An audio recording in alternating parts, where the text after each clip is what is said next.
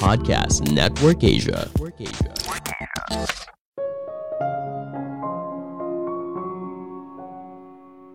Rencana masa depan tidak ada gunanya apabila kamu tidak berada pada realitas saat ini, karena hanya di saat inilah waktu di mana kamu hidup yang sebenarnya.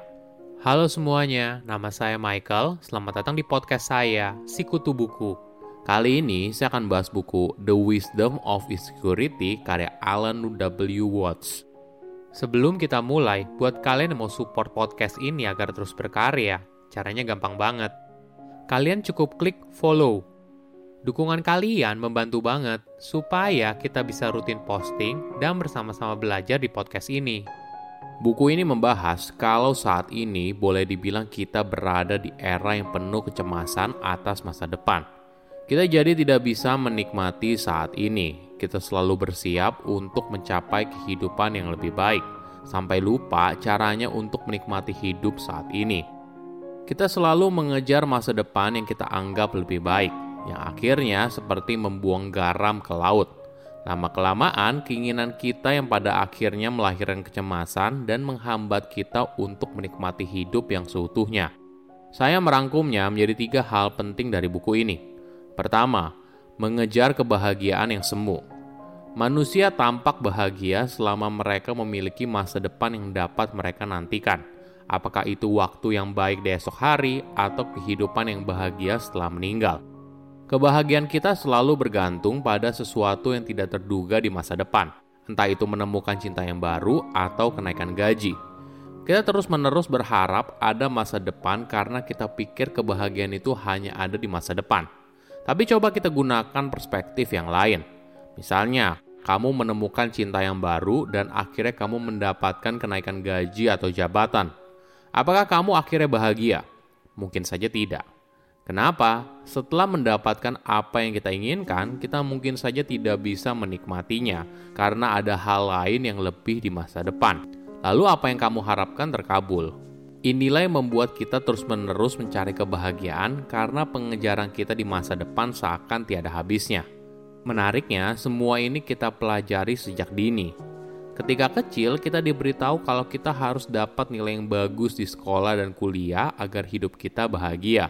Lalu ketika kita lulus dari dunia pendidikan, mendapatkan pekerjaan yang baik, menikah, lalu pensiun. Tapi apa yang terjadi ketika kamu akhirnya mendapatkan pekerjaan dengan gaji oke dan rumah yang bagus? Mungkin kamu merasa kekosongan di dalam hati, atau jika tidak, ada dorongan untuk mendapatkan hal yang lebih. Karena kamu melihat orang lain di sekitarmu punya mobil yang lebih bagus atau rumah yang lebih besar. Inilah yang membuat kecemasan dan pengejaran kebahagiaan dimulai seperti lingkaran setan. Pola pikir ini mungkin saja mendorong kamu pada keputusan yang salah. Masyarakat pada umumnya memandang kalau kita perlu mendapatkan pekerjaan dengan gaji yang tinggi untuk bahagia. Ini merupakan mimpi bagi mayoritas anak muda dan juga lingkungan sekitarnya.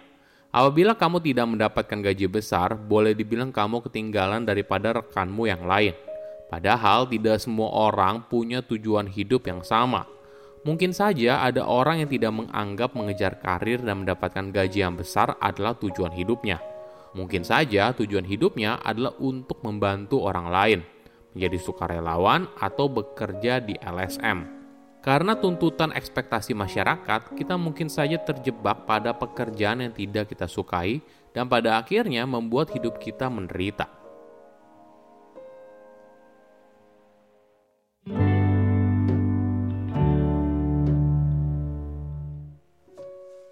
Kedua, bahagia dan penderitaan itu dua wajah dalam satu koin.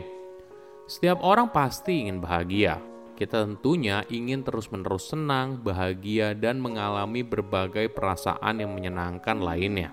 Sayangnya, realita tidak seindah itu. Untuk menghargai betapa bahagianya hidup, maka kamu perlu merasakan sakitnya juga. Misalnya, kamu merasa pekerjaan sekarang begitu-begitu aja nggak ada tantangannya Mungkin ketika kamu tidak punya pekerjaan, kamu baru merasakan betapa nikmatnya mengerjakan sesuatu yang itu-itu aja dan tetap mendapatkan gaji bulanan. Kesenangan dan penderitaan merupakan satu koin dengan dua wajah yang berbeda. Kedua hal ini tidak bisa dipisahkan satu sama lain. Misalnya, Coba ingat ketika kamu sedang jatuh cinta. Tentunya semua terasa begitu indah dan berharap sensasi penuh cinta ini berlangsung selamanya. Tapi tentu saja di dalam perjalanannya mungkin saja kamu putus atau ditinggal meninggal. Kamu baru bisa menikmati kebahagiaan apabila kamu sudah pernah merasakan penderitaan. Begitu juga sebaliknya. Inilah kebijaksanaan yang harus kamu miliki. Kita tidak lagi melihat segala sesuatu yang terjadi dengan sebuah label positif atau negatif, melainkan kita melihat semua hal itu sebagai sebuah keadaan yang sementara Alhasil, kamu jadi tidak mudah cemas dalam menjalani hidup yang naik dan turun.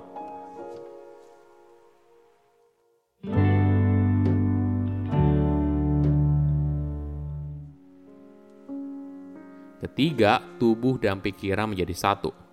Apakah kamu pernah merasa mumet banget, tapi tiba-tiba kamu menemukan sebuah solusi ketika sedang mandi? Ketika kamu tidak lagi berpikir tentang apa-apa, tiba-tiba saja ide itu muncul. Ini adalah pengalaman yang umum terjadi di banyak orang dan menjelaskan manfaat dari pendekatan menyeluruh dalam menjalani hidup. Kita harus melihat tubuh dan pikiran sebagai sebuah entitas yang sama. Bagaimana caranya? Mungkin kau bisa belajar untuk menyadari apa yang sedang kamu lakukan dan rasakan. Benar-benar mendengarkan tubuh dan pikiran. Misalnya, banyak suku pedalaman menaruh perhatian yang tinggi ketika mereka makan. Mereka benar-benar mendengarkan tubuhnya, ketika tubuhnya mengatakan kalau mereka sudah kenyang, maka itulah saat mereka berhenti makan. Ayo, coba kita pikir, apa yang terjadi ketika kita makan?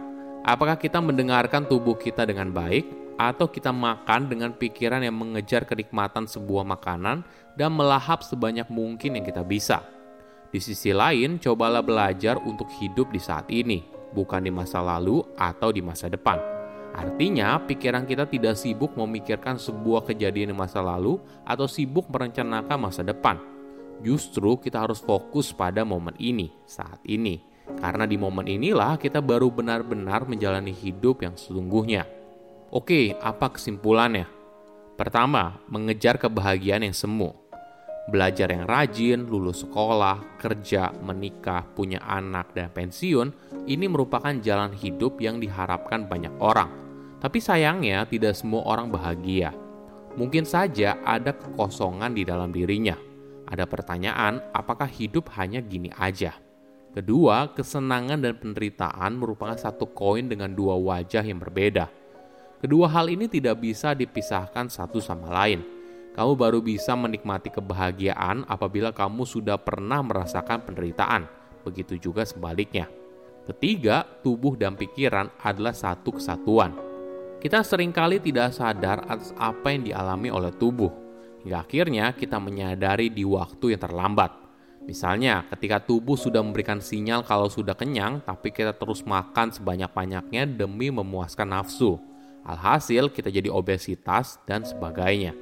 Saya undur diri, jangan lupa follow podcast Sikutu Buku. Bye-bye.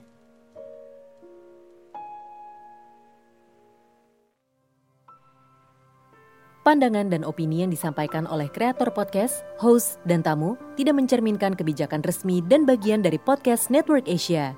Setiap konten yang disampaikan mereka di dalam podcast adalah opini mereka sendiri dan tidak bermaksud untuk merugikan agama, grup etnik, perkumpulan, organisasi, perusahaan, perorangan, atau siapa pun dan apa pun.